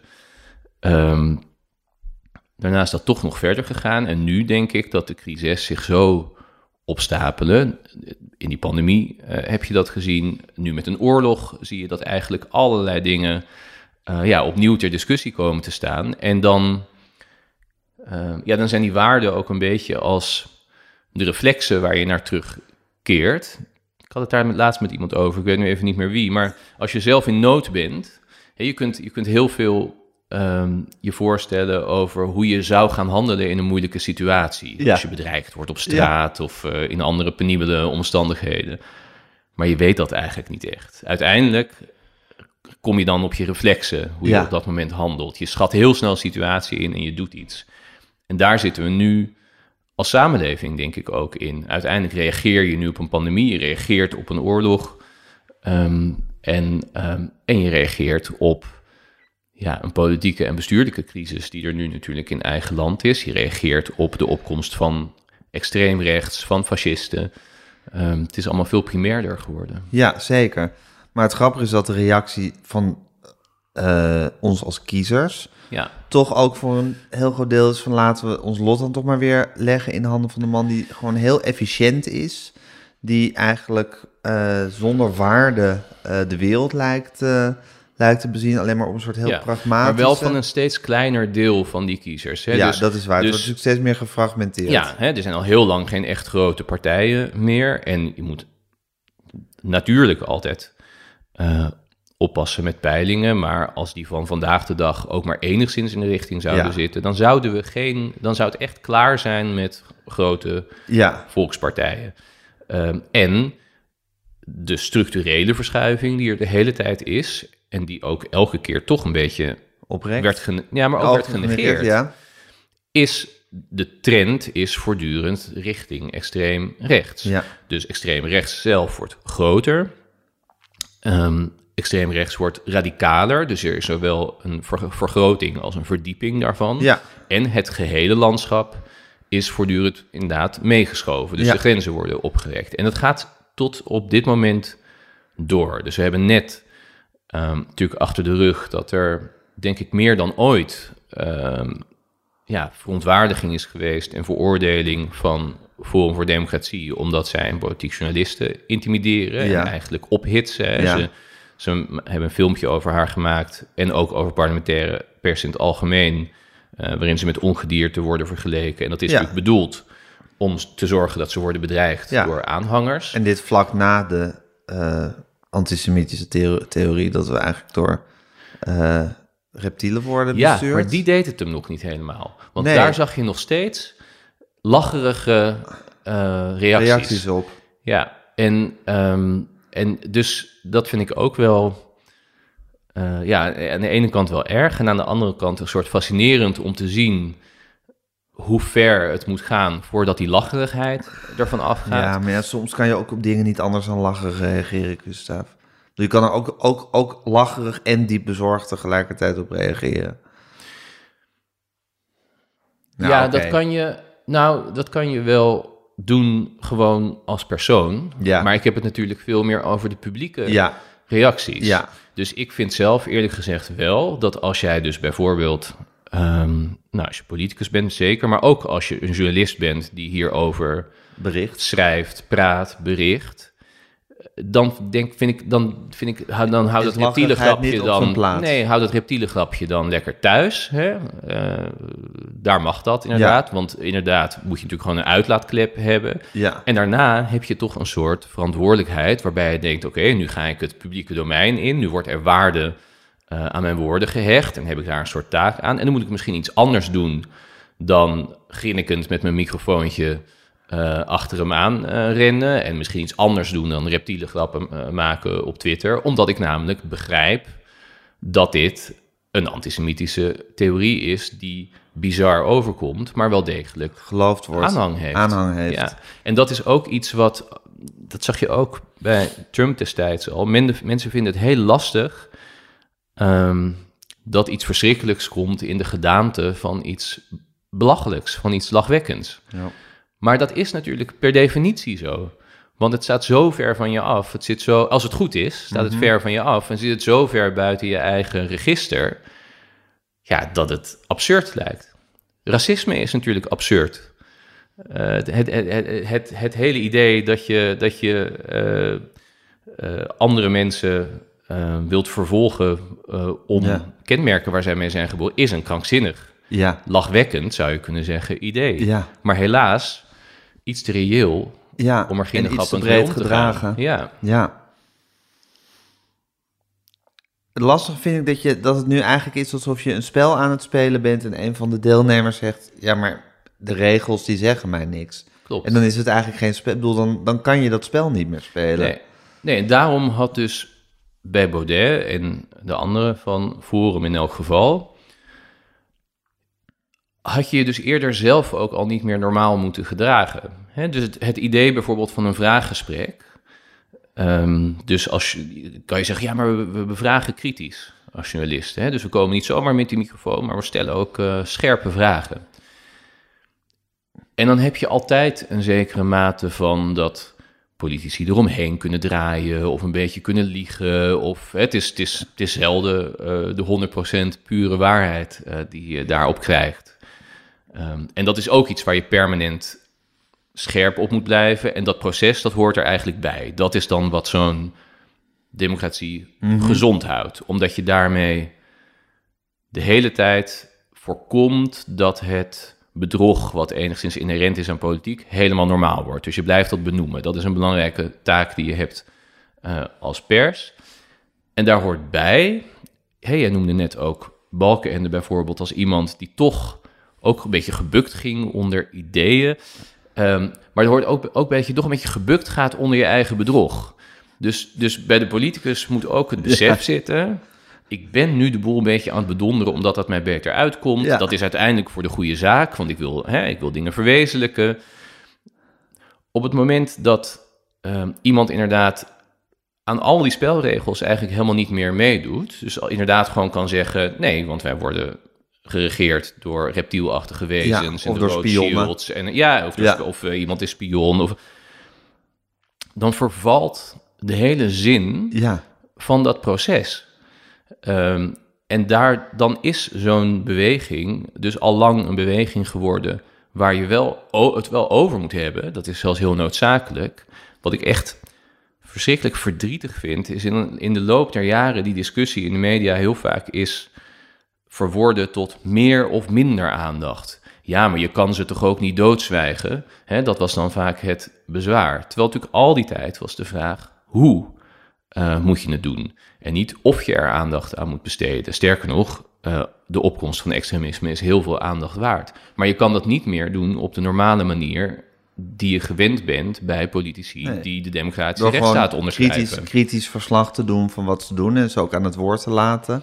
Nee. Dat, zou je, dat, zou de, dat is de ouderwetse manier.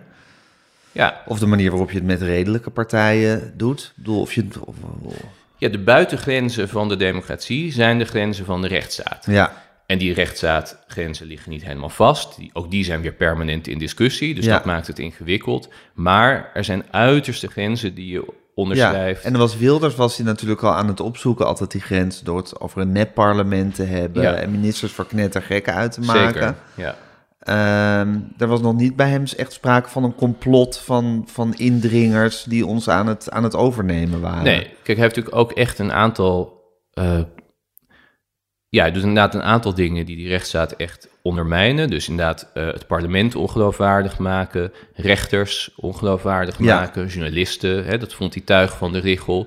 Dat zijn niet voor niks de doelwitten eh, van dit soort partijen, want dat zijn ook... De pijlers. Ja, en waar zij zelf het meeste last van hebben. Ja, ja precies. Ehm, dus als jij met, ehm, met onwaarheden je doelen moet bereiken, dan is het belangrijk dat media, die juist gespecialiseerd zijn, worden ja, in het achterhalen van wat er niet klopt aan wat jij zegt, die moeten ondermijnd worden. Ja. Als jij dingen wilt doen die over de grenzen van de rechtsstaat gaan, dan is het belangrijk dat die rechters moeten eh, hè, worden ondermijnd.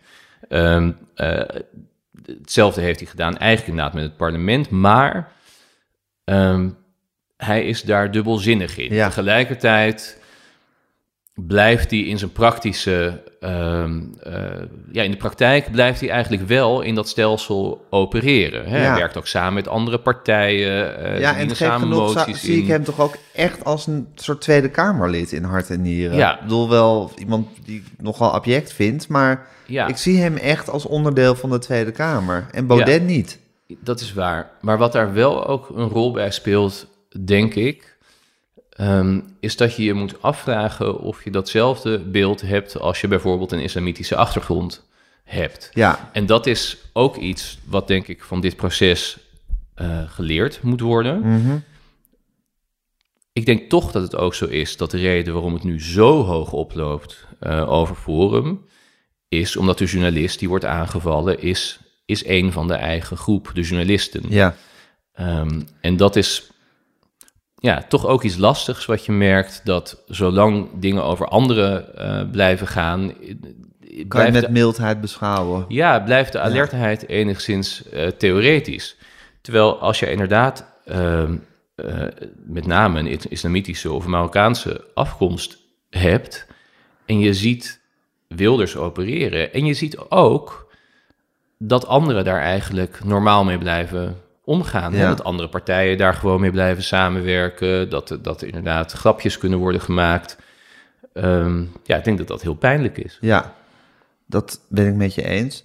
Maar het gaat mij toch ook meer... eh bedoel, Wil hij het stelsel opblazen of niet? Ja, precies. Dat, Ja. Hij, dat hij zegt wel dingen als ik vind dit een nep parlement. En hij zegt tegen de minister, u bent knettergek en zo. Ja. Maar hij functioneert... Ja, hij is Het volgens komt, mij wat, gewoon... het komt wat instrumenteler eh Precies, over. ik denk dat hij gewoon een, een, dat hij ook houdt van de Tweede Kamer op een gekke manier. Van dat, van dat werk, dat zitten daar, eh, dat overleggen. Ik denk dat hij dat proces, dat hij daar eigenlijk gewoon, ja, dat hij daarvoor in de wieg is gelegd en dat hij dat, dat hij dat. Nou, en hij heeft, en van die overtuiging kan je van alles vinden, maar hij heeft denk ik in de kern ook daadwerkelijk de overtuiging dat immigratie en de islam de, juist de bedreigingen zijn Ja. eh, voor Van datzelfde ja. ja. systeem. ja, Ehm, en wat hij vervolgens doet, wat in strijd is met dat systeem, dat is dus ook wel weer zijn ironie, zal hij voor zichzelf waarschijnlijk verantwoorden met dat is juist om het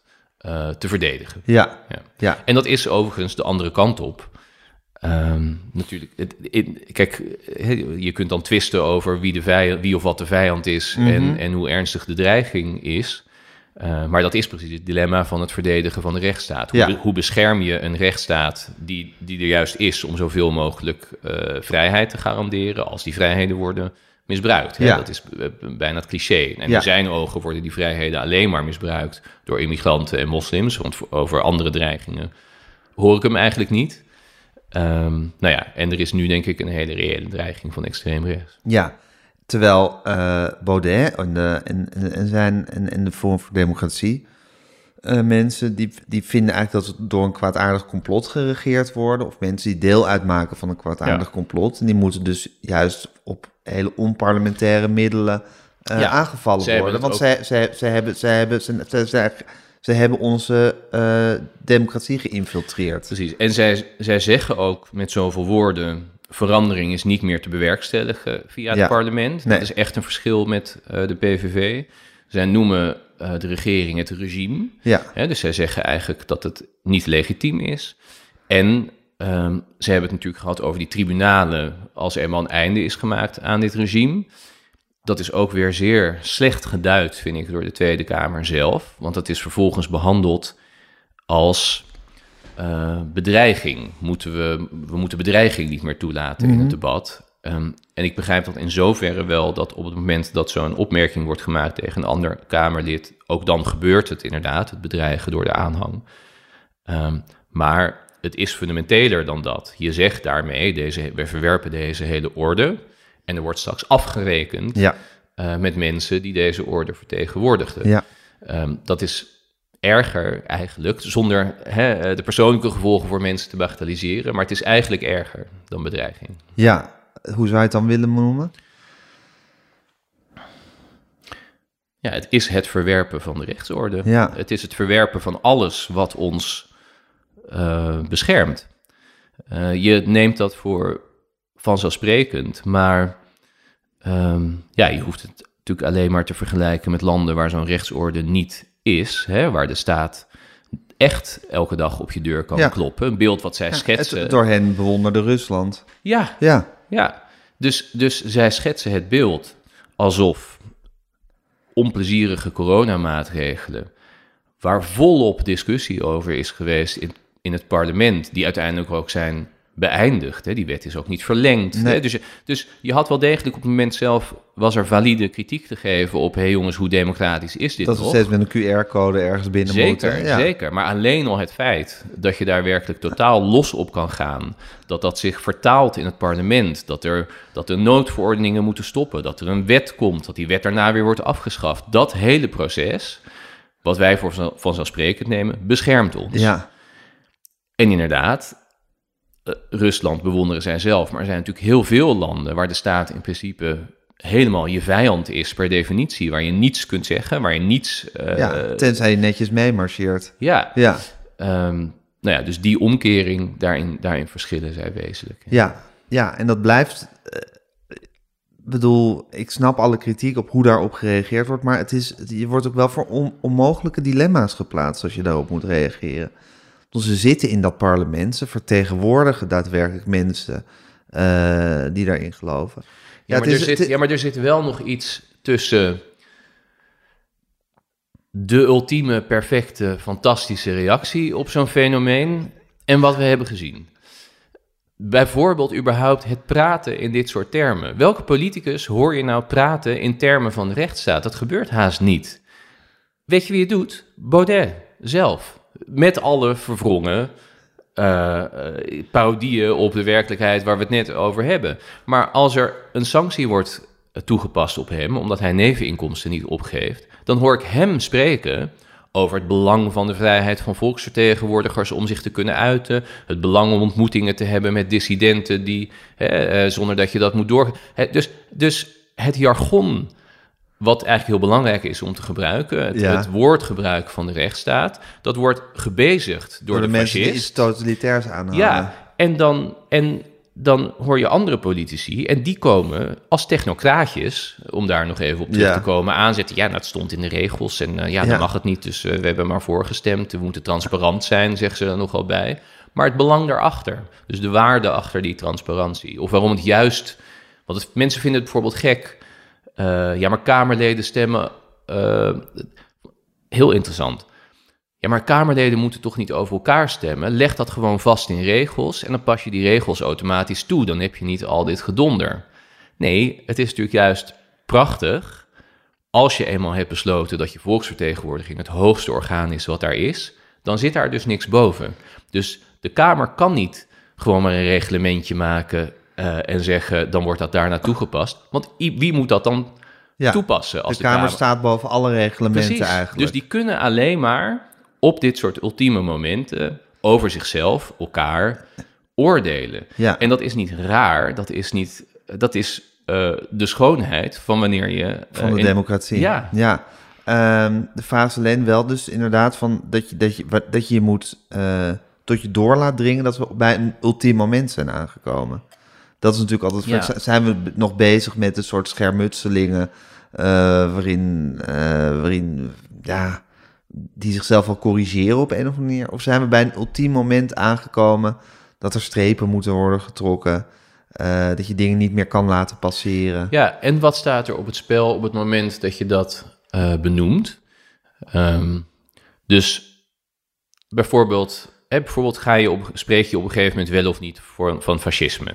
Dat is toch een soort drempel die je over moet. Ik moest Ja. dat zelf bij het schrijven ook wel de eerste keer dat ik hem erin gooide. Ja. En ik deed dat eigenlijk later. Weet je nog wanneer dat was? Nee, niet precies. Je Maar ik deed weet dat wel, later dan je het in de huiselijke kring al deed. ik deed het later dan ik dacht dat het aan de hand was.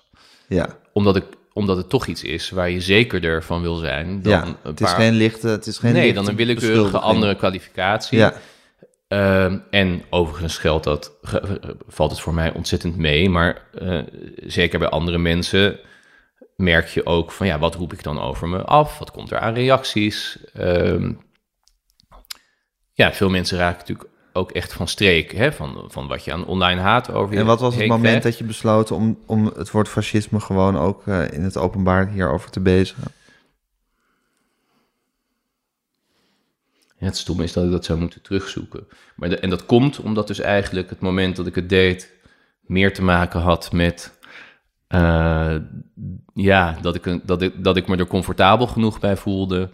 Dan Eh, dat je het echt dacht. Ja, Ja, want in de kern...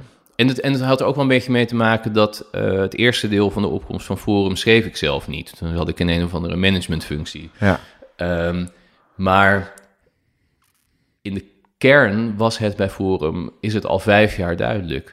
Dus de, de oprichtingsspeech van Forum 2017, daar gaat het over vijanden in ons eigen uniform. Over eh, ziekmakende elementen die ons maatschappelijk lichaam worden binnengeloodst. En dat zijn dan de immigranten. Boreaal, dat begrip hè, wat later Ja. eh, zo, zoveel aandacht kreeg bij de Provinciale Statenverkiezingen, was dat volgens mij een overwinningsspeech, zat al in die allereerste toespraak. Datzelfde jaar, 2017, ging het over het homeopathisch verdunnen van de samenleving. Nou, dan kan je, dan kan je je nog verliezen in een hele eh, academische discussie over wanneer iets wel of niet precies eh, fascisme mag heten. Hè? Als je echt kijkt naar het oorspronkelijke fascisme, dan hoort daar bijvoorbeeld altijd een gewelddadige component bij. Nou, op die gewelddadige component was het nog even wachten. Dat moest een beetje op gang komen. Dat hadden ze ook niet zo 1, 2, 3 eh, opgestart. Maar over de intenties kon je toen eigenlijk helemaal geen twijfel nee. meer hebben. Ja, die gewelddadige component wordt natuurlijk tegenwoordig heel anders georganiseerd dan toen. Tuurlijk. Vroeger moest je zelf officieel knokploegen Ja. organiseren. Tegenwoordig kan je dat gewoon, kan je daartoe oproepen. Ja, en dat is dus ook het lastige. Dus eh, dat is ook het lastige. Aan en de ene... je handen wassen in onschuld. Ja, dus aan de ene kant wil je niet smijten met begrippen waardoor er een inflatie optreedt eh, en je veel te snel eh, zo'n kwalificatie geeft. Aan de andere kant is het natuurlijk volkomen wereldvreemd om te gaan zitten wachten tot iemand Ja, één op één het, exact hetzelfde gedrag vertoont als Mussolini. ja, De geschiedenis herhaalt zich nooit als een precieze kopie van Nee. iets wat in totaal andere omstandigheden is gebeurd. Nee. Dus de knokploeg is vandaag de dag informeler. ja. Eh, die wordt inderdaad Via sociale- Twitter gemobiliseerd. Ja, via sociale media gemobiliseerd. En er wordt ook aangehaakt bij eh, bestaand geweld, wat misschien uit een, een andere oorsprong komt. Hè? Dus je ziet dat zij zijn heel alert op eh, waar zit die grootste spanning, waar zit, waar zit de grootste geweldpotentie. Nou, wanneer ze die vinden bij coronademonstranten, haken ze daar aan. En wanneer Ja. ze die bij boeren vinden, haken ze daar aan. Maar er is dus een blinde vlek ontstaan in de tijd van... Of tenmin- tenminste, er, is een, er was een blinde vlek En die, daar, is, daar is in de tijd van Fortuyn is, is- zijn de media daar zo hard op gewezen... dat er daarna misschien ook schroom is geweest om dit fascisme gewoon eerder te signaleren en te benoemen. Nou, en Kijk, het het- feit dat Rutte met Baudet eh, gewoon één op één in debat is gegaan Ja. voor de Europese verkiezingen, was dat denk ik.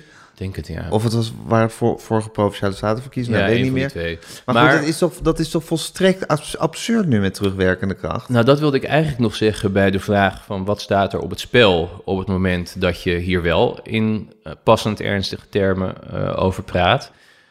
Op persoonlijk vlak kan het inderdaad zijn van, hè, word je erop afgerekend of krijg je haat over je heen of dat soort dingen. Maar er is ook, waar we het net over hadden, dat politieke spel. Dus er wordt ingecalculeerd ehm, wat jouw reactie op zo'n beweging doet. Deels denk ik inhoudelijk integer en deels natuurlijk puur tactisch. Ja. De inhoudelijk integere discussie is, eh, ja, maak je ze niet juist groter als je er de hele tijd heel hard tegen ingaat? Dat is een soort oprecht dilemma. En iets meer plat tactisch is, eh, ja, daar zit eigenlijk ook wel gewoon een deel van onze potentiële kiezers. Ehm, en eh, die willen wij eh, terug of houden of afpakken. En ehm, nou ja, dat is ook mijn bezwaar tegen de, de Rutte als buffer-theorie. Onder andere aangehangen door, eh, door Arno Gunberg. Hè, die zag Rutte als laatste redding eh, aan de rand van de afgrond. Ehm, ik denk dat hij toch per saldo dit ontzettend heeft gefaciliteerd. Want hij heeft op gezette tijden heeft hij een signaal afgegeven. Hè? eh, Turken die moesten oppleuren, dat soort dingen. Ja. Van, ik hoor jullie. Ja, Eh, ik hoor jullie, eh xenofobe kiezers. Jullie Ja. kunnen ook bij mij terecht.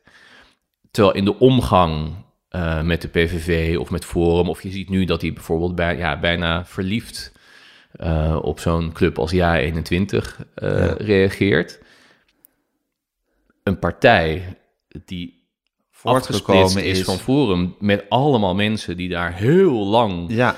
Tot ver na de racistische... heb, hè, ja, en zoals jij zegt, die, die, die, die oprichtingsspeech had dus al fascistische Ja, trekjes. Joost dus Eertmans, Daar die heeft zich nog bij te applaudisseren. Joost Eertmans heeft zich gekandideerd voor Forum in de herfst van 2020. Eh, Toen waren al die racistische appjes al naar buiten. En toen Ja. dacht hij, nou, ja, dat vind ik eigenlijk wel eh, een goed vehikel om mijn volgende politieke loopbaan eh, Ja. weer een, eh, een stootje te geven. Ehm, maar goed, dus, de, eh, dus, dus Rutte heeft een soort combinatie gehad van... eh, nou, als je nou over hondenfluitjes hebt, eh, die heeft hij afgegeven. En aan de andere kant een warme arm om dit soort bewegingen heen. Behalve, eh, soms dan vond hij iets, weet je wel, dat doe je niet. Of dat vond niet fatsoenlijk.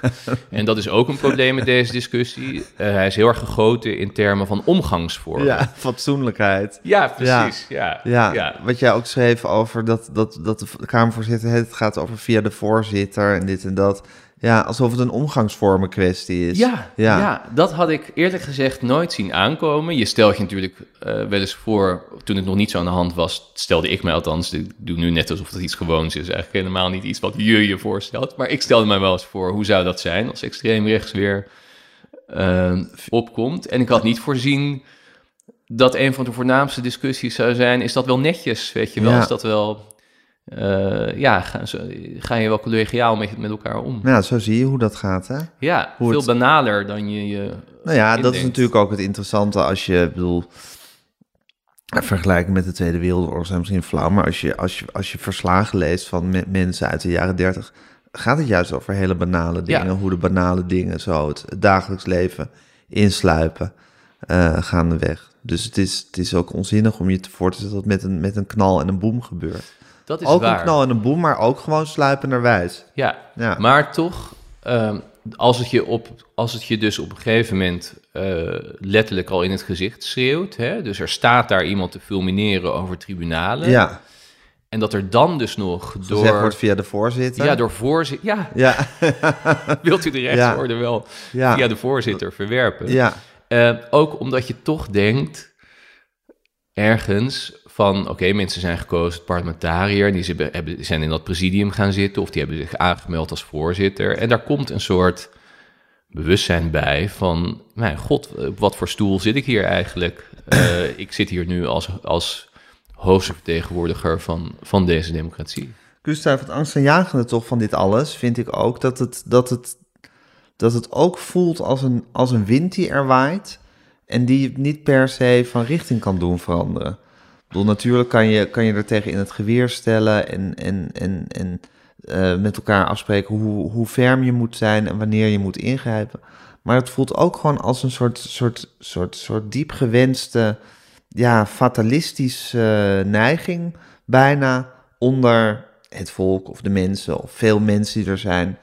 Iets, iets destructiefs en iets door de reden waarom Trump gekozen kan worden, de reden waarom er nu Ja. zoveel En populisten... misschien weer. Ja. En misschien weer wordt de reden waarom er nu zoveel populisten eh populairder en populair. Dat het gewoon, dat het gewoon, ja, dat mensen er, er gewoon genoeg van hebben. En dit Ja. nu zien als de nuttige uitweg. En dat je redelijkerwijs kan zeggen: het is fascisme en het is gevaarlijk. Maar het boeit niet. Nee, nou, ik ben er ook weer niet zo pessimistisch over. Ten eerste omdat Fijn. je, hè, je kan het allemaal te laat vinden, maar eh, ik denk dat veel van die erkenning waar we nu over praten er nu toch wel komt. En ook, ehm, ik had Casper van den Berg gesproken, hoogleraar in Groningen, erg gespecialiseerd in ehm, de, klo- nou ja, hij gebruikt zelf het woord kloof niet, maar de grote verschillen tussen stad en platteland, zal ik hem dan nazeggen. Ehm, en eh, die zegt ook van ja, er is, men is te lang blijven hangen in die reflex na de fortuinopstand. Maar niet alleen dat, men is ook blijven hangen in retoriek. Dus er is eigenlijk heel weinig feitelijk gebeurd Ja. om noden van mensen, eh, om daar ook Te iets aan te doen. Ja. Ja. En ehm, dat is toch ook iets wat ik, waarvan ik nu denk dat het wel aan het kenteren is en meer eh, op gang aan het komen is. Het moeilijke blijft dat je je dus niet moet, net zoals je niet moet beperken tot het alleen maar overnemen van retoriek van Fortuyn destijds, moet je nu dus niet beperken tot het uitsluitend veroordelen en ach en wee roepen eh, over wat er allemaal aan extremisme bovenkomt. Maar toch moet je kunnen blijven zien dat daarachter mensen zitten, dat die motivaties hebben om zich daarbij aan te sluiten, dat er misschien een klein deel is wat nu heel moeilijk eh, bereikbaar is. Of dat is denk ik wel een feit. Maar dat er nog steeds een heleboel mensen achter zitten met gewone zorgen, die niet het gevoel hebben dat ze niet goed mee kunnen komen, die, of die daadwerkelijk niet goed kunnen meekomen, waar iets kan, kan Ja. worden gedaan. Ja, en dat het gewoon altijd beter is om eh, die mensen te bereiken door hun problemen zo goed mogelijk eh, of zo serieus mogelijk te nemen en proberen daar een oplossing voor te vinden. Ja, Dan om, om ze te voeden met, met, met haat en woede en eh, ja, maar dat heeft, dus, dat heeft dus nodig dat we weer Ja. gaan van een politiek die draait om de eh, wedstrijd. die om de wedstrijd enigszins en eh, als instrument eigenlijk uitsluitend allemaal overdreven, hè? dus met, met excuses aan allemaal welwillende deskundigen Mhm. die nuttige dingen doen bij de overheid, waarvan er vele zijn, en die spreek ik ook, maar toch in de kern een soort uitgekleed apparaat wat heel weinig invloed Mhm. heeft op die samenleving. Mhm. Ehm, dus daar moeten allemaal weer instrumenten bij en, en weer specialisten werken. En, en die moeten weer snappen waar die mensen eigenlijk mee zitten en waarom. En ja, daar komt het uiteindelijk, toch op neer. Ja, Eh, weer zorgen eh, dat mensen een beetje een eh, redelijk bestaan hebben. En niet het idee hebben dat de wereld aan ze voorbij gaat. ja. Maar dat is nog een heel, dat is nog een heel proces, wordt dat, om daar te komen. Zeker. Ja, Ehm, het is, kijk, op het moment het is te hopen dat dat lukt voordat het, voordat het allemaal eh, verloren is. Ja, ja dat, maar dat is onze permanente staat van zijn. Hopen Ja. dat dingen lukken. Voordat het voordat permanent alles wordt- verloren ja, is. Precies. Ja, maar ik, ja, kijk, alle be- veel bewegingen die er nu zijn, toch ook, ehm, ja, zijn wel heel erg de goede kant op ook, vind ik. Je kijkt een beetje twijfel, twijfelend. Ja, ik vind, vind, vind bijna angstjaag dat jij ineens optimistisch wordt. Nou, misschien ben je ook wel optimistisch eigenlijk. In je aard. Ja, maar ik, ben soms, omdat, omdat je vaak hier langs bent geweest, ben ik soms bang dat ik iets zeg wat ik al heb gezegd. Maar ik, ik, vind, dat, ik vind optimistisch en pessimistisch echt heel stom altijd. Eh, Ja, dat, dat heb je nog nooit gezegd. Nee, maar je Maar klinkt, je ook, je klinkt ook een beetje als een... Als, ik bedoel, ik, ik, ik, ik ken je als iemand die, die het gevaar van vele kanten aan ziet komen. En daar heb je vaak ook gelijk in. Ehm, maar ik, je klinkt nu ook een beetje als, als, als een hypochonder die bijna blij is... Dat, eh, dat er eindelijk een ziekte is geconstateerd. Snap je wat ik bedoel? Ja, maar dat is... Nou, nee. Of helemaal laten niet. niet blij is, ik maar dat- gelijk een dan ben ik geen hypochonder-. Een hypochonder die tot rust komt als er een, een, een, eh, Ja. een ziekte wordt. Nou, eh, ik maak hevig bezwaar tegen het hypochonder. Want ik denk dat ik inderdaad best wel vaak gelijk heb. Ja. En dat hebben hypochonders niet. Nee, Die zitten steeds weer want die bij zien de in dokter. elke muggenbult ja, kanker terwijl er niks, wel. terwijl er niks Ja. aan de hand is. Ja. Ehm, maar inderdaad heb je natuurlijk niks aan het constateren van allerlei eh, riskante ontwikkelingen. Als het idee niet is dat je uiteindelijk daar eh, iets mee wilt. Ja, Eh, en overigens, ehm, veel van de dingen waar we het nu over hebben, daar ben ik heel laat pas een beetje. Ik heb bijvoorbeeld, he- ja, ik, heb- ik heb altijd best een blinde vlek voor meer de sociaal-economische kant van ontwikkelingen, bijvoorbeeld, eh, gehad. Eh, dat, daar wat bedoel je hiermee? Nou, ik ben zelf ook, ik ben zelf in mijn werk begonnen in die tijd van Fortuin bijvoorbeeld. Ehm, en toen heeft eh, de focus heel lang gelegen op allerlei culturele clashes, die ook er echt zijn en die belangrijk zijn. En bovendien ehm, hadden de mensen die dan zeiden van ja, maar het gaat ook wel gewoon eh, over eh, school en werk. Die klonken eigenlijk altijd als apologeten die het niet over de echte problemen wilden Ja. hebben. Ehm, en waren dat voor een deel ook, durf ik Ja. wel te zeggen. Maar als je nu ziet, en nou bijvoorbeeld inderdaad, eh, als je kijkt naar, naar verarming van landelijk gebied, wat gewoon een hele reële ontwikkeling is en waar nu heel veel van de woede zit, denk ja, daar zouden dus toch ook wel echt veel dingen kunnen worden opgelost. Ja. Als er gewoon een postkantoor zit en als mensen werk hebben. Ja, eh, en als er gewoon naar ze geluisterd wordt als, als, als er iets niet klopt met de belastingaangifte ja. of met een subsidie, weet ik veel wat. Ja. Nou, en bij dat laatste begint alles. Hè, we hebben net de enquête over Groningen gehad. En dan zie je dat. Ja, je kunt het je bijna niet voorstellen dat dus in een klein land, een gebied met aardbevingen, dat mensen moeten brullen. En Freek de Jonge moeten inschakelen. Ja. Ja. En, dat wij, en dat wij een premier hebben die dan... Dus eh, op een gegeven moment is er zo'n hele grote aardbeving geweest... en is er een record hoeveelheid gas meteen daarna gewonnen... waar die aardbevingen van komen, 2013. En onze premier verklaart dan onder Ede dat hij volgens mij vier of vijf jaar later... Ja, kwam het een beetje... Ja, toen las hij toevallig een interview waarin iemand zich nogal opwond over die gaswinning. Nou, toen daagde hem dat dat toch eigenlijk wel, eh, ja, was wel pittig geweest. Ja, dat is onvoorstelbaar, Ja. toch? Dat is onvoorstelbaar. Ja. Wat een tijd, hè, Gustav? Geldt voor elke tijd. Geldt voor elke Ja, tijd. geldt voor elke tijd. Ja. Ja, maar wij zitten in deze tijd, dus dat moeten we niet op die manier wegrelativeren. Nee, zeker niet. Maar goed, dan mogen we in deze tijd ook zeggen, wat een tijd. Ja. Ja, ik vind zo dat... dat nou goed, het is... eh, Nee, ja? Ja, ik, ik heb die, eh, ik heb die eh, vanochtend, ik weet niet of je het gezien hebt, een linkje van een stukje van Guido Weijers. Oh, ik, zag- ja, ik zag er iets van, die, ja. die dan, die dan zo'n soort, soort, soort, soort bizarre eh, eh, conferentie staat te houden over Poetin. En we weten toch ook, ik bedoel, die doet ook alleen maar wat goed is voor zijn land. En, eh, en we zeggen dat het propaganda is, maar we weten heel goed wat propaganda is. Want dan zijn we hier ook de hele dag aan, aan, aan onderhevig. En maakt hij ook nog een grapje en zegt hij van... ja, en ze zeggen dat Poet- Poetin op, op Hitler lijkt. Maar ja, hij lijkt ook niet echt op Hitler, want Hitler zou de gaskraan nooit dichtdraaien. En dan zie je zo'n bulderende, bulderende zaal bij zitten. En je denkt toch, ja, zover zijn we gekomen. ja. Ja, Maar het is ook wel interessant wat hij zegt over... ehm, hè, alles is hier ook propaganda. ja, Kijk, het vervelende van eh, dit soort bewegingen is dat het werkt nooit als ze toch niet ook allerlei elementen eh, aan de werkelijkheid kunnen ontlenen. Ehm, en het, het totaal normaliseren van de leugen bijvoorbeeld, wat in Nederland in het afgelopen decennium eh, is gebeurd. Hè? Dus eh, dat we inderdaad een premier hebben die standaard liegt, die standaard geen documentatie heeft over eh, hoe zijn beleid eh, tot stand is gekomen. Die standaard geheugen heel selectief Ja, inzet. waar, waar ook, eh, hè, wat ook nog steeds als grappig wordt gezien. Ja. Ook door hemzelf. Dus Ja. bij die Groningen-enquête zat hij schaterend. Dus ten eerste, de baas van Shell is een goede vriend van de premier. Ja. Nou, daarvan kan je al afvragen, is Hoezo? dat eigenlijk normaal, Ja. handig, wenselijk?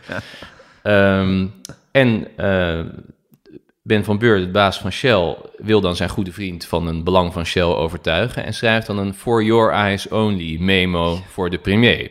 Terwijl Shell-zaken lopen niet via het ministerie van de Algemene Zaken. Die, hè, Ja. Is economische zaken of eh, afhankelijk van wat het is. Nou, en eh, nou is het wat. Ze kunnen die memo op Algemene Zaken nergens meer meer vinden. vinden. En dan zit hij zelf al, dus, dus want hij weet, oh, dit, vind ik- dit, dit ben ik. Dit ben ik weer, Rutte, met eh, zijn slechte archivering. Nou, dat is wel echt het mysterie van deze enquête. Hè? Hij zit zich bijna te verkneukelen over soort leuke whodunit. En daarna wordt dat nabesproken in talkshows... waar ook nog steeds iedereen een beetje zit van... eh, ach, die dekselse Rutte met zijn slechte geheugen en zijn slechte archief. Maar het is wel, vrees ik, een vrij rechte lijn hiervan naar die bulderende zaal eh, van, Guido, Guido Weijers, die het, die, die het ontzettend grappig vinden eh, dat een of andere eh, potentaat over een ander land heen walst en daar de bevolking heen, moor, heen Ja. de- uitmoordt. Ja, Die voedingsbodem komt daar wel vandaan. Ja, ja. Zo zie je hoe de geschiedenis ontstaat. En eh, over de normalisering van de leugen, wat ik ook een heel... We ronden bijna af voor Kus. Nee, Wat ik ook zo schokkend vond Ik is... hoop dat mensen het een beetje is uithouden. ja, nou, dat, wat doet het ertoe eigenlijk? Maar dat, dat, dat Hugo de Jonge na dat debat over, over die Siewert van Linden miljoenen... waar hij zich dus als minister van Bouw en Wonen Ja. over ging zitten verdedigen...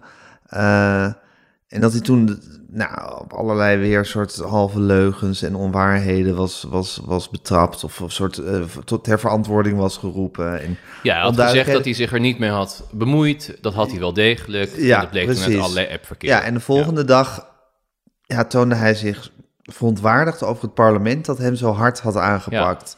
Dat was toch ook niet nodig? Nou, ook weer bijna, de, onfatsoenlijkheidskaart werd weer ongeveer gespeeld. Zeker, ja. Waarom, waarom werd hij toch nooit vertrouwd en geloofd? Ja, Ja. en dat is ook ehm, in de kern een soort antidemocratische... Heel antidemocratisch. Ja, maar in, in de, in, de die- kern antidemocratisch. Want daarmee zeg je dus eigenlijk...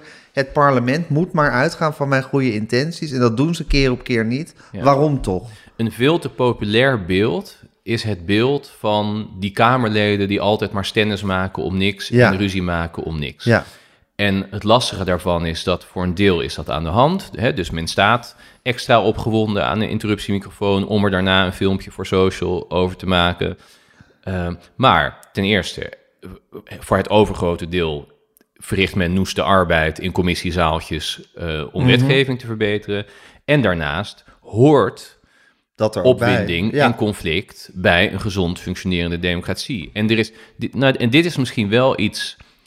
ehm, nou, ik moet niet meteen. Ik weet niet, hoe, ik weet niet hoe Nederlands het is, maar het is in elk geval aan de hand ehm, dat er een soort afkeer is van democratische onrust. En, eh, waar we het in het Ja. begin een beetje over hadden met eh, redder Ernst Kuipers of stabiele factor Ja. eh, Mark Ja, Rutte. het- Of je zag het ook bij redder Remkes. Je Hè? hebt het dus, ook wel eens heel erg verontwaardigd gehad over het woord gedoe, wat dan gebezigd wordt. Arjen. Arjen Noor- Noorlander had het nog steeds over gedoe. ja, Er is en weer zit, gedoe in het parlement. Ja, Ja, en, en, en, en daarbij hoort een kinderlijke behoefte aan meestal wijze oude mannen, zie Johan Remkes, Ja, die orde op zaken Ja. komen stellen. ja, de bovenmeester die Ja. even flink met zijn hand op tafel komt slaan. Nou is dat in gradaties lichtjaren van Poetin eh, verwijderd, uiteraard. Maar er zit wel een vreemde, eh, ja, niet zo democratische neiging in om eh, conflicterende partijen met verschillende opvattingen te beschouwen als hinderlijk. Eh, en mannen met rapporten die even Ja. stevig komen En, zeggen hoe en, het gaat. en kritiek als iets wat je van je af moet laten glijden, zo vaardig mogelijk. ja, Ja, En die mannen hoeven dan vervolgens ook, althans dat duurt heel lang, eh, niet erg kritisch te worden eh, bevraagd. Hè? Dus, Nee. dus Remkes inderdaad van, oh wat, als je het rapport las, ja, dat stelde echt niet heel veel voor. Dat kan natuurlijk ook helemaal niet. Er wordt over zo'n stikstofprobleem op het ministerie van Landbouw heus al heel lang heel hard nagedacht. Ehm, wat je verder ook vindt van zo'n kabinet, maar die komen ook niet helemaal uit het niks Nee. met hoe ze dat dan gaan doen. Mhm. Dus alleen al op grond daarvan is de mogelijkheid dat Johan Remkes in een paar maandjes ineens met lumineuze oplossingen komt waar nog nooit iemand in die landbouw- of boerenwereld aan heeft gedacht, is gewoon niet zo groot. Nee. Dus die had hij ook niet. Ehm, hij kwam nog met een soort vondst, een soort hele snelle, korte klap. Eh, nou, dat voegde eigenlijk alleen maar een probleem toe aan het geheel, bleek ook helemaal niet te kunnen. Eh, maar hij was wel eh, hey, iemand die met gezag achter een microfoon en I feel your pain. Ja. En, en hij gaf, en daar zijn we dan dol op, iedereen een standje. Dus eh, een soort, soort vaderfiguur die iedereen komt zeggen... nou, zij hebben dat niet goed gedaan en zij het goed gedaan. En dat vindt iedereen dan ook heerlijk. Ja. De Marielle Tweebeke die interviewde hem bij Nieuwsuur. Nou, dat is toch normaal iemand voor wie gasten enigszins vrezen van... Ja. ehm, Nu wordt het even pittig. en die sloot het gesprek af met... eh, ik hoop dat u morgen een beetje kan uitslapen, meneer Remkes. U zult wel moe zijn Ja, van ja. al dat werk. Ja, ja. ja. Ja, het is toch interessant dat je inderdaad... ehm, eh, je hebt die, die, die, die hele... eh, de uitwas die, die Forum voor Democratie is. En eh, inderdaad de glijdende schaal die daar naartoe gaat. In plaats van dat het een tegenkracht is. Ja, en, en wat wij er zelf dus aan kunnen bijdragen, is dat we eh, moeten leren houden van democratische rommel. Eh, eh, accepteren dat rommel hoort bij Ja. democratie. Goed in de gaten houden wat de buitenste grenzen van die rommel zijn, door de rechtsstaat ingegeven. En En alles wat daar buiten valt ook gewoon erbuiten plaatsen. Ja, en op die termen moeten benoemen. Dus, Ja. niet, dus moeten ietsje verder gaan dan... hey, dit voelt onaangenaam. Dus Ja. daar een beetje, een beetje van waarom vinden we dit nou niet netjes?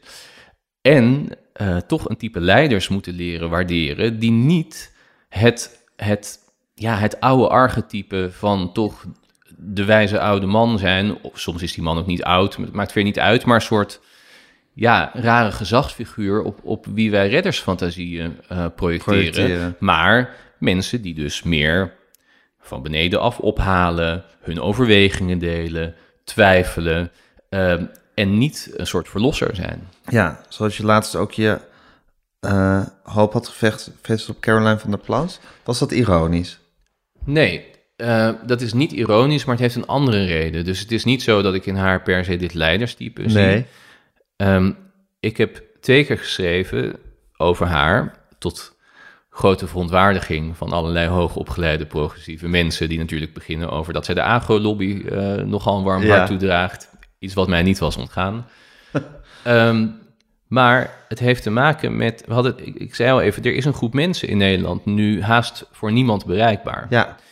En zij bereikt die mensen en tegelijkertijd is ze bereid om de, om de democratische rechtsorde te Zij blijft grofweg binnen, binnen die- de grenzen van Ja. de rechtsstaat. Ja. En ik vind eh, met alle problemen die er kleven aan een te grote invloed van een lobby, is ook erg. Ook ondermijnend voor goed functioneren van de democratie. Maar het is toch van een andere orde dan het volledig verwerpen van het systeem of zelfs het goedkeuren van geweld. Nou, Ja. zij distancieert zich van geweld en, en, en van de grootste uitwassen eh, van eh, Forum en PVV. Zij verzet zich bijvoorbeeld ook tegen een etnische definitie van Nederlanderschap. Zij zegt nee, iedereen is hier burger. ja. Nou, dus je hoeft helemaal niet Ze is haar... journalist geweest zelf. Ja, Ja. en ehm, eh, je, je zult toch ook mensen die ver van die rechtsstaat zijn afgedreven, iets van een weg terug moeten bieden. Ja. Nou, Gijs, die weg loopt niet via jou of mij. Nee. Die walgen van ons. Ja. Eh, en die walgen van het grootste deel van het politieke establishment en van de media. Links of rechts maakt daarbij helemaal niet uit. Ehm, ze zijn misschien aanspreekbaar voor Forum, misschien eh, door het PVV, misschien jaar 21. Nou, dat zijn dus allemaal mensen die rechtsstatelijk op zijn minst zeer dubieus eh, Ja. opereren. Of helemaal afgehaakt, nog erger. En ik vind dat zij, dat merk je ook in reacties. Hè. Er zijn mensen die twijfelen van ah, misschien haar een kans geven. Als zij eh, mensen met heel veel onvrede wel binnen die rechtsstatelijke grenzen houdt, dat lijkt mij een hele belangrijke bijdrage. Dus daar was niks ironisch aan. Ik ben heel benieuwd hoe het allemaal gaat, Gustav. Hoe we er volgende keer bij zitten als ik je cv kon controleren. Ja, Ja, we gaan Ik meemaken. Dankjewel. graag gedaan. Dit was Met Groenteman in de Kast met Gustav Bessems. Mijn naam is Gijs Groenteman. Luister ook voor nog veel meer Gustav naar, de pod, naar zijn eigen podcast Stuurloos... die hij voor de Volkskrant maakt. Lees zijn columns. Ehm, en eh, nou, dat allemaal. Mijn naam is Gijs Groenteman, had ik al gezegd. Eh, redactie van deze podcast van uh, Tamar Bot en Fanny van der Rijt. Eh, Daan Hofstee zorgde, dat hij in, in, ervoor dat hij in uw oortjes verscheen. Uh, Corine van Duin deed de eindredactie. Uh, stuur ons een mail als u daar zin in heeft. podcasts.volkskrant.nl Volg ons op Instagram, @metgroenteman En geef ons vooral lekker veel sterretjes.